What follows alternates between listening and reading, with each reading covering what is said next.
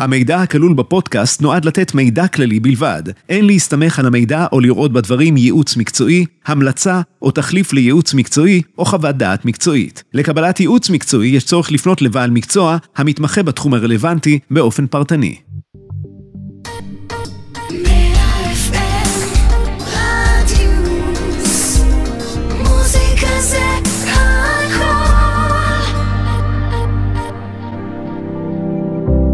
פרישה בקליק, פודקאסט ייעוץ פנסיוני ומדריך לפרישה נכונה, עם ליבת קמפלר ואלי יוניאן. שלום לכם וברוכים הבאים או ברוכים השבים לפרישה בקליק, פודקאסט שמטרתו ייעוץ בנושא פרישה נכונה לגיל השלישי, לסייע לכם או להורים שלכם לא לצאת פראיירים עם ההגעה לגיל הפנסיה. אני קמפלר ליבת, אני סוכנת ביטוח, יועצת פרישה CFP, יועצת מס כבר מעל ל-20 שנה, ואיתי שותפי היקר. אלי יוניאן, גם סוכן ביטוח, גם מתכנן פרישה וגם מתכנן כלכלת משפחה. בפודקאסט נדון על מקרים שרלוונטיים לכולנו ויכולים לשנות מהותית תחילת החיים שלכם או של הוריכם בזגבי לפנסיה. אנחנו ננתח את המקרים וניתן כאן טיפים וכלים פרקטיים לאיך מנהלים את הליך הפרישה נכון. איך נערכים לזה נכון, בעיקר מהזווית הכלכלית, אבל לא רק. אנחנו אוהבים לא רק זווית אחת, אנחנו מסתכלים ברמה הוליסטית. אה, אתם יכולים להאזין לנו באפליקציה, באתר רדיוס 100 FM, גם בספוטיפיי, באפל פודקאסט ובגוגל פודקאסט. בפרק הזה אנחנו נדבר על מושג שכולכם אמורים להכיר, אבל אם לא, זה הנקודה שבה אנחנו הולכים להבהיר לכם מה זה מסלקה פנסיונית. או צמד המילים המפוצצות, מסלקה פנסיונית, אף אחד בעצם לא מבין את המשמעות, בואו ננסה להנגיש את זה פה לכל מי שקשוב לנו בפודקאסט. ופה צריך להגיד גם תודה למשרד האוצר ולמפקח על הביטוח, שהוא הנגיש את זה לכולם, בעבר זה היה קשה מאוד, נכון. אבל היום הנגיש את זה לכולם. כולם יכולים לעשות את זה, שאלה אם זה נכון שכולם יעשו את זה לבד, או יבואו למתכנן פרישה ויועץ פנסיוני טוב, שיודע לעשות נסביר, את זה. נסביר והנה עכשיו זה. את מסבירה. אנחנו נוכל להסביר בעצם מה זה אומר המסלקה הפנסיונית, מה הנתונים שאפשר לעשות ולהבין לבד, ומה אי אפשר. בעיקרון, מסלקה פנסיונית זה לרכז את כל הכספים הפנסיוניים שיש לאדם מאז קיומו שהתחיל לעבוד עד רגע זה. זה אמור להיות, נכון. אמור להיות. הפיקוח על הביטוח, המפקחת על הביטוח בזמנו, באה ואמרה, רגע, למה אין לנו מצב כמו בארצות הברית, שאנחנו יכולים לגשת לאיזשהו אתר, לשלם איזשהו סכום סמלי ולקבל מכל בתי ההשקעות, חברות הביטוח בארץ, והבנקים. חלק מהבנקים, בדיוק, אז זה הבנקים, לקבל את כל המידע על הכספים הפנסיוניים שלנו. עכשיו, כשאני אומרת כספים פנסיוניים, זה גם צמד מילים מאוד מפוצץ, מה זה כספים פנסיונים? רגע, חיסכון פק"ם בבנק, זה כסף פנסיוני? לא. או, אז בואו שנייה נדבר על מה זה כספים פנסיונים. זה מתחלק בעצם, אנחנו קוראים לזה ארבע קטגוריות. יש לנו קרן השתלמות, קרן השתלמות היא כספים פנסיונים, יש לנו קופות גמל שהולכות ככה לאט לאט נעלמות מהעולם, אבל עדיין קיימות, יש לנו ביטוחי מנהלים, ותיקים, חדשים, ואחרון אחרון חג... אה, חביב, אחרונה חביבה זאת. קרן הפנסיה. קרן הפנסיה שלנו, נכון, שגם שם יש לנו שניים, יש לנו קרן פנסיה חדשה, יש לנו קרן פנסיה ותיקה, ויש לנו עוד קרן אחת קטנטנה שלא הרבה מדברים עליה, מדברת על קרן הפנסיה התקציבית. קרן הפנסיה התקציבית, ואנחנו עכשיו נעשה קצת סדר, מה מופיע, איפה מופיע ומה עושים. אז אלה... ואגב, ואגב, כן? זה יכול להיות שאצל אותו אדם יש את הכל. נכון. ויש כאלה שיש להם...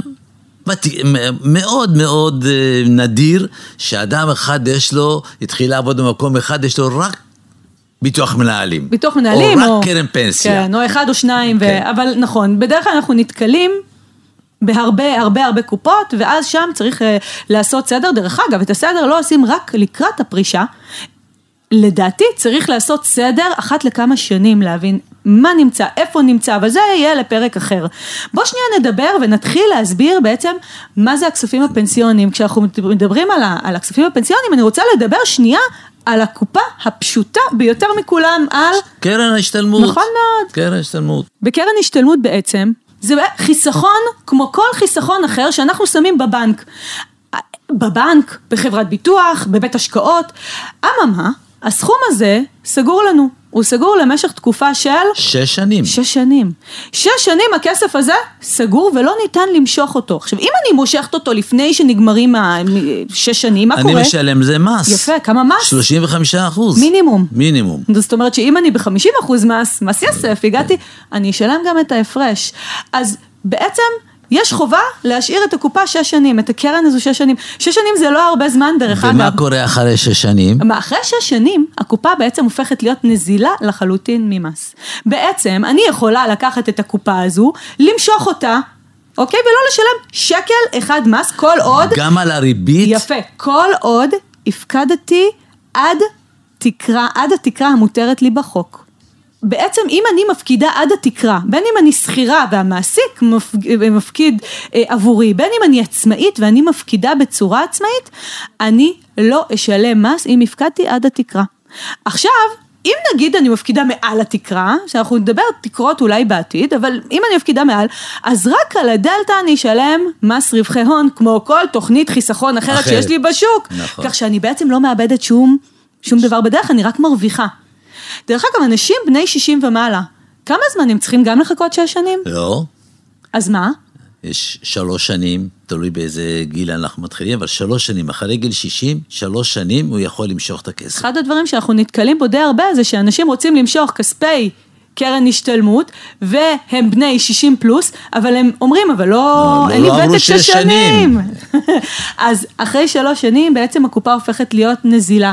ואם, דרך אגב, אחת השאלות הנפוצות, עברו שש שנים, ואני ממשיכה להפקיד, בין אם כשכירה, בין אם כעצמאית, ממשיכים להפקיד לקופה, מה קורה? היא עוד פעם הופכת לעוד שש שנים לא, חייבת במס? לא, מה? ברגע שאני ממשיך ולא משכתי כסף, תמיד זה יהיה פתוח. זאת אומרת, אבל... אם אני מפקידה לאותה קופה, מפקידה לאותה קופה והיא כבר נזילה, כי עברו שש שנים, הכסף הזה ממשיך להיות פטור, גם הכספים הנוספים שאני מפקידה לאותה קופה. ודאי, זה ודאי. מאוד חשוב לדעת, כי הרבה אנשים חושבים שאם אה, הקופה הופכת להיות נזילה, ואז אני ממשיכה להפקיד, אוי אוי אוי, הם נסגרים לעוד שש שנים. לא. למה מיועד קרן ההשתלמות, ליבת? בתחילה, בעבר הרחוק, הקרן הזו נועדה בעצם להשכלתם של הרבה שכירים, הם רצו כסף. לצאת ולהשתלמויות, ללימודים, והקרן הזו נועדה עבור זה. לאט לאט עם השנים השתנו התנאים בעצם בקופה ואפשרו לאותם אנשים, הם רוצים להחליף רכב, הם רוצים לשפץ את הבית, הם רוצים לעשות טיול מסביב לעולם השונים יום, הם יכולים להוציא את הכסף אם עברו שש שנים, ולהשתמש בכסף הזה לצורכיהם הפרטיים, איך שירצו. האם אנחנו יכולים להשתמש בקרן השתלמות לפנסיה שלנו? בהחלט כן, לא תמיד זה כדאי. Mm-hmm.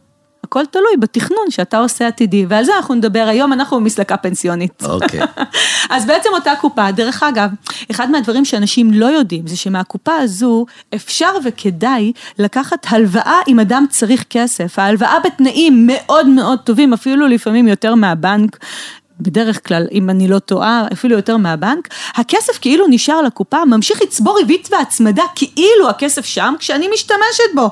בסוף התקופה, דרך אגב, אני לא חייבת להחזיר את הכסף, אפשר. כמו אפשר הלוואה. לעשות בלון גם. יפה, ואז אני עושה מה שנקרא הלוואת בלון, כשבעצם, מה זה הלוואת בלון? אני לוקחת את הכסף, אני משלמת רק, הריב, רק את הריבית, ומאותו רגע אני לא מחזירה את הכסף, אני ממשיכה להשתמש בו. הכסף ממשיך לצבור ריבית והצמדה כאילו נמצא בתוך הקופה, ואני מחזירה את ההלוואת בלון הזו רק כשאני פודה זה אומר, זה אומר בעצם בפועל. שהריבית, כתוצאה מהדבר הזה שאני משלם, היא עוד נמוכה. היא לא רק שהיא נמוכה, גם הריבית הנוספת שנצברת פתורה לחלוטין ממס. זאת הקרן עוד היחסית פשוטה. אוקיי, אנחנו נעבור עכשיו ל... קופת גמל. קופת גמל. מה זה קופת גמל? היום איפה יש קופות גמל? בעבר בעצם היו המון קופות גמל, בעיקר בבנקים. אנחנו, החבר'ה שמכירים, היה בבנקים, יש לנו את מה שנקרא, היה... תמר, גדיש. תמר, גדיש, נכון, שהיו בדרך כלל בנק פועלים, בנק דיסקונט, משת, משתלם, זה היה קרן השתלמות, היו בבנקים בעצם כל הקופות, ואז ה, ה, כהנחיה מהפיקוח על הביטוח, כל קופות הגמל יצאו מידי הבנקים ועברו לידי... היצרנים חבר... האחרים. היצרנים האחרים, בעיקר חברות הביטוח. וחברות הביטוח היום מנהלות את הכסף של קופות הגמל. לדוגמה, גדיש עברה לטיפול הראל. אה, יש לנו, תמר עברה לטיפול כלל חברה לביטוח. כל אדם בעצם קיבל הודעה לאן הכספים שלא עברו. קופת הגמל עברה. בעבר גם קופת הגמל, תלוי מתי הפקדנו את הכסף, חלק מההפקדות, אם לדוגמה אדם עצמאי, פעם, פעם, אה, אם אימא שלי רצתה להפקיד לי כשנולדתי לאיזושהי תוכנית חיסכון, לא הפקידו, הפקידו גם לדן חסכן, אבל קודם כל הפקידו לקופת גמל. קופת גמל בבנק, למה? היא אמרה, אחרי 15 שנה אני מפקידה את הכסף, 15 שנה לאחר מכן, אז היו תנאים אחרים, הכסף הזה אפשר למשוך אותו בפטור ממס לחלוטין. את יודעת ליבת שבעבר היו גם קופות גמל רק לעשר שנים? נכון. כי מדינת ישראל הייתה צעירה, לא חשבו שיחיו כל כך הרבה. נכון מאוד. ואז צמח ל-15 שנה, והיום כבר יודעים שאנחנו תוחלת החיים גדלה, אנחנו הולכים כבר לגיל יפה, 60. יפה, אז בעצם מה זה נקרא חוק ועדת בכר. משנת 2018 בעצם מכריח, אומר שלא ניתן למשוך את הכספים הללו חד פעמי יותר. בטח ובטח לא בפטור ממס. איך אפשר למשוך אותם? כקצבה. כקצבה חודשית. ופה גם יש לנו הרבה בעיות בפרישה, כי הרבה אנשים באים אלינו עם כספים חייבים ממס בקופות גמל, ואומרים אנחנו רוצים פנסיה. איך אנחנו מושכים פנסיה מקופת גמל? נדבר על זה בהמשך. המסלול השלישי בעצם שיש, הנתון השלישי שיש במסלקה הפנסיונית הוא... ביטוח מנהלים. ביטוח מנהלים. טוב, זה אנחנו נדבר ממש בקטנה, כי זה נושא בפני עצמו. נכון. אבל ביטוח מנהלים, יש לנו את הביטוחי מנהלים הישנים. ביטוחי שאתה גם מכיר אותם טוב מאוד, הביטוחים האלה מאוד טובים, חלקם מבטיחים תשואה, יש בהם תשואה מובטחת אה, אה, מאוד מאוד טובה, ככה אנחנו של לא... של סדר גודל של 4-4 ורבע אחוז תשואה מובטחת מעבר למדד. מעבר למדד. נכון. זה אומר שזה הרבה מעבר מ-4 ורבע. ואם המדד הוא 4 אחוז, זה בערך 8 ורבע, שימו לב. זאת אומרת שאותם אנשים שיש להם היום... ביטוחי מנהלים שהסתכלו במסלקה הפנסיונית ויש להם ביטוחי מנהלים ותיקים עם תשואה מובטחת, צריך לבדוק כמה פעמים ולחשוב כמה פעמים לפני. שפודים את הכספים האלה, אם יש צורך. מאידך, יש לנו גם את הביטוחי מנהלים, הם משת... גם ותיקים, אבל הם... משתתפים ברווחים. הם משתתפים ברווחים, ויש להם... שזה כבר אין תשואה מובטחת, ויש נכון. להם גם, אבל יש להם מקדם מובטח. או, עכשיו, מה זה מקדם, אלי? או, מקדם מובטח. לסבר את האוזן, לוקחים את הכסף, מחלקים באיזשהו מספר שהוא נקרא מקדם, ואותו מקבלים קצבה. ומה הוא מגלם? בעצם המקדם הזה אומר תחים. כמה חודשים אדם בערך יחיה. זאת אומרת, אני יודעת שאם המקדם שלי לדוגמה הוא 200, 200 אני אחיה בערך 200 חודשים. רגע, אז אני לוקחת נגיד מיליון שקל, מחלקת ב-200 ואני מקבלת את הפנסיה החודשית שלי. אבל אני עברתי 200 חודשים, קיבלתי לאורך כל ה-200 חודשים. מה, וזה נפסק? ב-201 אני מפסיק לקבל את הביטוח, את הקצבה? ברור שלא. לא, אני אמשיך לקבל למשך כל חיי. אז זה הביטוח עם מקדם מובטח, יש כל מיני סוגים של מקדמים וגם פה יועץ צריך לעזור לכם להגיע להחלטה מה כדאי לכם לעשות, כמה למשוך, מתי למשוך, האם ככל שתמשכו מוקדם יותר, אתם תקבלו למשך יותר שנים כנראה יותר כסף. יש פה עניין מאוד מאוד חשוב שצריך לבדוק אותו. ומאידך יש לנו, מאידך כבר בצד השלישי יש לנו את הביטוחי מנהלים החדשים, יש בהם בעיקר, הם משתתפים ברווחים, יש בהם בעיקר בדיקה של דמי ניהול ותשואה של חברת הביטוח. נכון? אה, ואנחנו צריכים אה, לראות אה, בביטוחי מנהלים מה כדאי לעשות. ליבת, אני אשאל שאלה, כאילו מהלקוח מהצד, או אחד המאזינים, כן. שאל אותי, מה זה ביטוח מנהלים? זה רק למנהלים עושים ביטוח או, מנהלים? או, אני שמחה ששאלת. אז מה זה בעצם ביטוח מנהלים? ביטוח מנהלים זו איזושהי קופה של אדם ששם את הכסף בקופה, קופה אישית שלו. אוקיי? והוא אומר איזה מסלול הוא רוצה להשקיע בקופה. המעסיק, אם הוא אדם שכיר, המעסיק מפקיד לקופה את הפיצויים והתגמולים, הוא מפקיד את התגמולים גם, וזו קופה שנאסף בכסף לאורך השנים, בגיל הפרישה, מהכסף שנאסף, הוא בעצם יתחיל לקבל את הקצבה החודשית אז שלו. רגע, אז מה ההבדל בין ביטוח המנהלים לקופת גמל?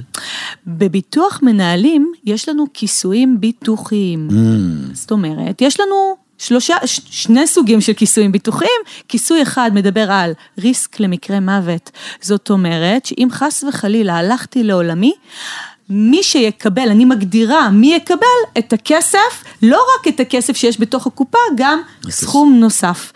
חוץ מזה, מה קורה אם חס וחלילה אדם נפגע בעבודתו ולא יכול יותר לעבוד או לתקופה זמנית או לצמיתות? ואת זה אין בקופת גמל? בקופת גמל אין את זה. זה נקרא כיסוי ביטוחי של אובדן אבל זה כושר אותם עבודה. כספים, נכון? זה אותם כספים מהמעביד ומהעובד עצמו. אותם כספים שצריכים להפקיד לתוך הקופות. יש ניואנסים לפה ולשם, אני לא אכנס לזה עכשיו, אבל הכיסוי הזה הוא אחד הכיסויים היותר חשובים. אדם שהוא לקראת פרישה, נכון, פחות רלוונטי אובדן כושר עבודה, כי הפנסיה שהוא יקבל כבר תנטרל את זה, אבל... אדם צעיר בן 40, 50, שיודע שיש עוד כמה שנים טובות עד גיל הפנסיה, אם חס וחלילה קורה לו משהו, צריך שיהיה איזושהי הכנסה שהיא חלף הכנסה לשכר שלו אם הוא לא יכול לעבוד. וזה יש לנו בביטוח מנהלים. ואין אותו בקופת גמל. אין אותו בקופת גמל, וזה מאוד מאוד מאוד חשוב. האספקט השלישי, אז רגע, רגע, אז פה אני, אנחנו עוברים כרגע כנראה לס- לקופה החד... הנוספת, קרן האחרונה, הפנסיה. נכון. אז את צריכה להבדיל, להסביר לי את ההבדלים בין זה לבין קופת הפנסיה, כי גם שם אני, אני שמעתי שיש.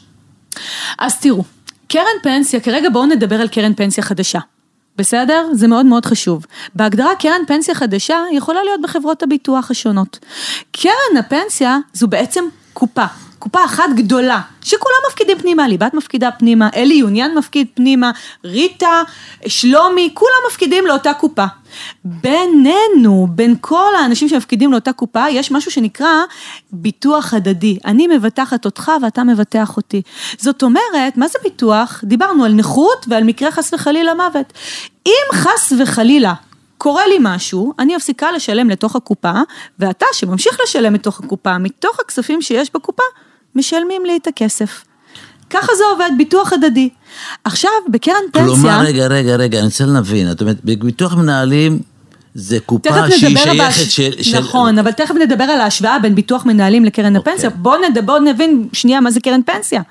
בקרן פנסיה יש לנו את הכספים שנכנסים לתוך הקופה, יש לנו את הכספים שיוצאים מתוך הקופה. כל עוד הכסף שנכנס לתוך הקופה גדול מהכסף שיוצא מהקופה, אנחנו בסדר ואין לנו חשש ופחד ששום דבר יקרה. אבל מה קורה במקרה יכול להיות, אה, בוא, היפותטי במקרה, בחברה שלנו מלחמה. כן?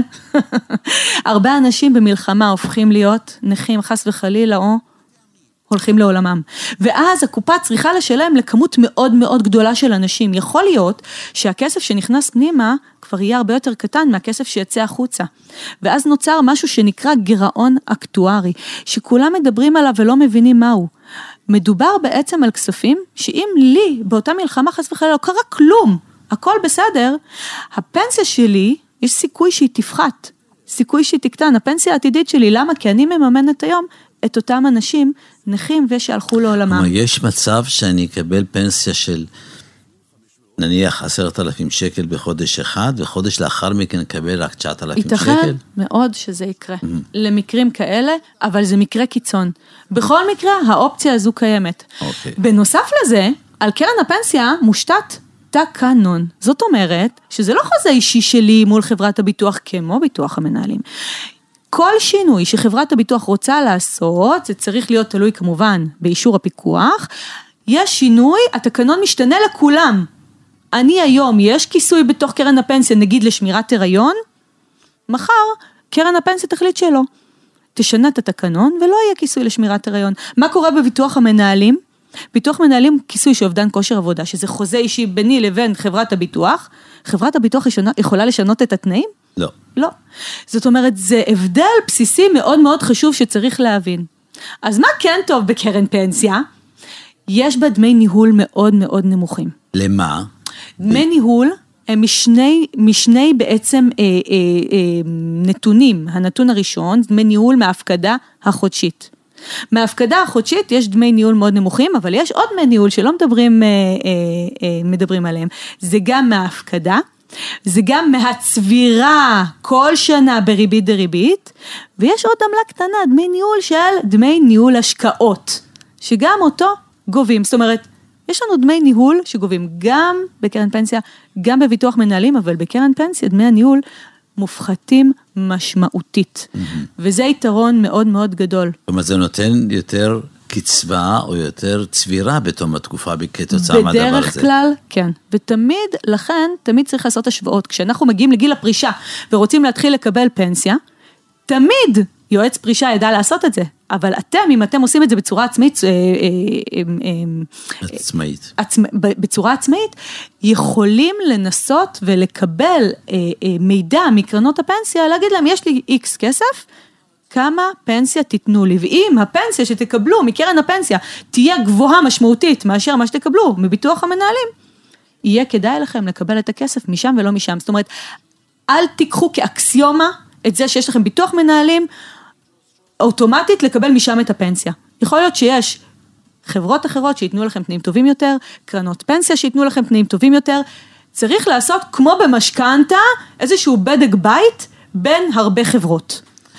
אז אלי, אנחנו אה, יכולים לדבר על הנושא הזה שעות, אני ואתה, ובכל זאת, אבל, התכנסנו... אבל אני מקווה מאוד... התכנסנו ש... לשם המסלקה הפנסיונית. בדיוק, מה זה המסלקה הפנסיונית, פחות או יותר הסברנו, אבל איך זה עוזר ללקוח כאשר הוא עושה את זה לבד או שבא ליועץ פרישה כלשהו. אז קודם כל אנחנו נדבר על זה שהלקוח יכול לעשות את זה לבד, שיעשה את זה לבד, והוא יכול לקבל את הנתונים לבד. תוך כדי הפודקאסט אנחנו נתנו כל מיני טיפים מתוך המסלקה כשהוא מוציא, איך הוא יכול לבד לנסות ולשפר את התנאים שלו ולהבין לבד. ברור שמי שירצה ללכת ליועץ פרישה ילך ליועץ פרישה, אבל אנחנו יכולים לתת פה את הכלים וזה מה שנתנו. אנחנו כמובן נמשיך וניתן מידע, אה, מידע נוסף, אבל אני חושבת שנכון להיום אה, אנחנו סיימנו. אה, אם יש לכם שאלות כמובן אתם יכולים לפנות אלינו בכל דרך שהיא. ולמרות שאנחנו נמצאים בתחום הזה הרבה זמן, אבל הקטע הזה של מסלקה פנסיונית, אנחנו נתקלים שלא כולם אה, קלטו אותו ולא כולם הבינו אותו, ואני מקווה שהפרק הזה אכן נתן לנו, אה, נתן לכם את המידע המתאים. ותודה ואנחנו, רבה שהייתם איתנו עד עכשיו. ואנחנו מזמינים אתכם להאזין לפרקים הנוספים, גם בנושא הזה של אולי אה, מסלקה שנרחיב אותו בפעם הבאה. אז אה, אתם אה, מוזמנים להמשיך ולהאזין לפרישה בקליק במגוון הפלטפורמות של רדיוס 100 FM, באפליקציה, באתר, בספוטיפיי, באפל פודקאסט ובגוגל פודקאסט. אנחנו מעדכנים בפייסבוק ובאינסטגרם של רדיוס 100 FM כשעולה פרק חדש. כדאי ומומלץ לעקוב, אנחנו ניתן כמה שיותר טיפים. נהניתי היום, תודה לצוות תודה. באולפן, תודה לך אלי. תודה לך ליבת, נשתמע בפרק הבא של פרישה בקליק. פרישה בקליק פודקאסט ייעוץ פנסיוני ומדריך לפרישה נכונה, עם ליבת קמפלר ואלי יוניאן.